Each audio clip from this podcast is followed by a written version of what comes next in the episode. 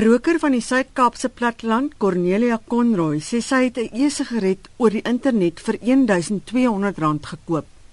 Dit het haar gehelp om vir 5 maande op te hou rook.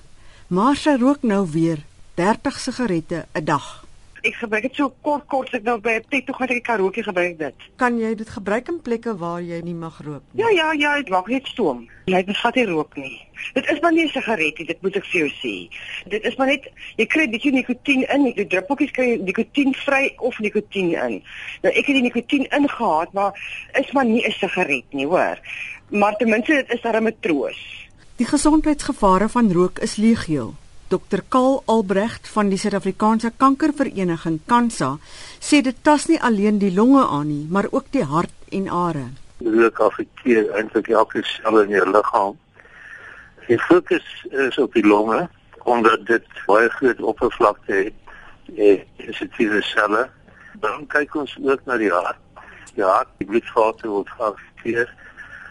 En ons kyk uh, verder in die liggaam en sien ons die lewer is ook sensitief vir die rook en as jy wat ander organe wat ook kanker kan kry soos die pankreas en die mondholte en die varings en die larynx Die uitvoerende direkteur van die Nasionale Raad teen Rook, Dr. Yusuf Solujay, sê dit is nog te vroeg om te bepaal wat die spesifieke uitwerking van e-sigarette sal wees. E-cigarettes are not safe.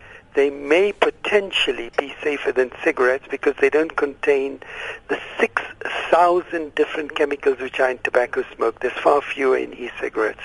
But they still do contain chemicals which are potentially harmful, and the science hasn't been done. As far as WHO and the representations being made to WHO, the National Council Against Smoking is of the very firm view that e-cigarettes need to be regulated.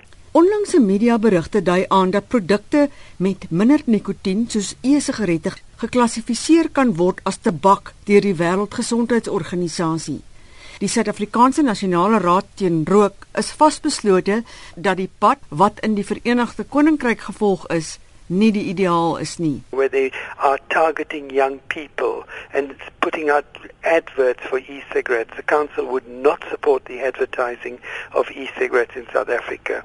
They're also producing uh, different kinds of flavors, ice cream flavored e-cigarettes and mint and chocolate flavored e-cigarettes.